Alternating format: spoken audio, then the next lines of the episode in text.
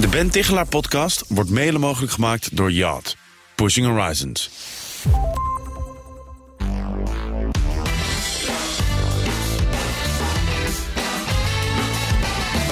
Ben, wat is je werktip van deze week? Nou, ik wil deze week hebben over iets dat heel uh, onschuldig lijkt, maar dat vrijwel elke belangrijke verandering ondermijnt. En dat is uitstelgedrag. Oh ja. Nou, en uh, volgens onderzoekers, daar is een officiële definitie van, dat is het vrijwillige verschuiven van een belangrijke taak ja. naar een later tijdstip Ondanks dat je weet dat het problemen oplevert. En zo'n 95% van de mensen doet dat regelmatig. Ja, ja, en wij journalisten weten er alles van. We hebben altijd een deadline nodig om uiteindelijk het werk voor elkaar te krijgen. Maar uh, van uitstel komt ook wel afstel hè, bij veel mensen. waarom doen we het als we, als we toch zoveel weten dat het gewoon moet gebeuren? Ja, nou ja, onderzoekers die noemen twee belangrijke redenen. Eh, de actie die we moeten ondernemen, die roept negatieve emoties bij ons op. Dat is een hele belangrijke. Dus er is een telefoon dat je moet plegen, dat maakt je onzeker. En is, ja, je vraagt je af, zitten ze wel op mij te wachten, dat soort dingen.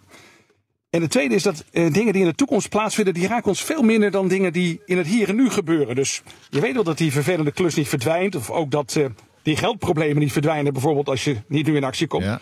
Maar toch wil je liever nu pijn vermijden dan ja, in de toekomst fijn vermijden. Ja, en toch, het, het is ondermijnender dus dan we denken. Wat speelt, uh, want het speelt ook echt op alle niveaus, als ik je goed begrijp.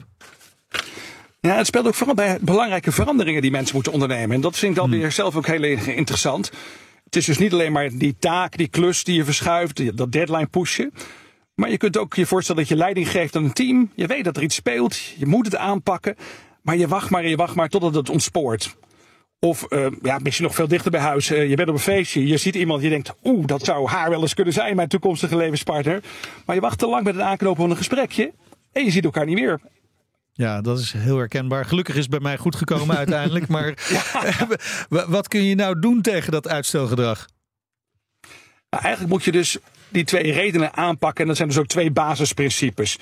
Je moet dus de pijn van het wel in actie komen, moet je verkleinen. Oh ja over het plezier vergroten, maar vooral ook die pijn verkleinen. Dat betekent maak die eerste stap veel kleiner, of werk samen met goede vrienden, of eh, beloon jezelf als het eerste stapje is geluk. En het tweede basisprincipe is dat je eigenlijk de pijn van het uh, te lang wachten, dat je die gaat vergroten. Dus je moet jezelf een beetje onder druk zetten. Ah, okay. Dus maak een afspraak met de collega's van over twee dagen krijg je mijn presentatie. Of je zegt zelfs, nou vanmiddag stuk je de eerste versie al om twee uur. Dus je moet jezelf klem zetten. En wat ook belangrijk kan zijn, is dat je gewoon soms iemand die in de arm neemt, die je gewoon aan je afspraken houdt. Bijvoorbeeld een strenge coach. Ook dat kan helpen. Ja, daar kan eh, mijn vrouw ook eh, heel goed haar best in doen. Maar uh, wat ik zelf altijd probeer hè, om te zeggen voor mezelf, wat is nou het ergste wat er kan gebeuren als ik een belangrijke taak uh, heb waar ik tegenop zie? Is dat een manier inderdaad van het verkleinen? Van nou ja, als je dan overziet van, wow, het valt eigenlijk wel mee met, met de ellende.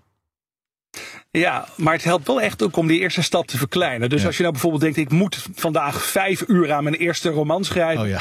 Kun je beter er vijf minuten van maken. En dan denken, als het dan die eerste vijf minuten leuk zijn, dan ga ik nog eventjes door.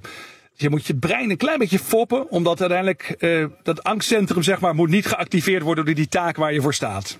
Uitstekend en uh, zeer nuttig. Dankjewel Ben. Tot de volgende keer. Nou, Ben's podcast is te luisteren op bnr.nl of via je favoriete podcast app. Iedere woensdag een nieuwe aflevering. En je kunt hem dus ook nomineren nu hè, voor de Dutch Podcast Awards. Op podcastawards.nl. Ja, zo simpel kan het zijn. De Ben Tichelaar podcast wordt mede mogelijk gemaakt door Yacht. Pushing Horizons.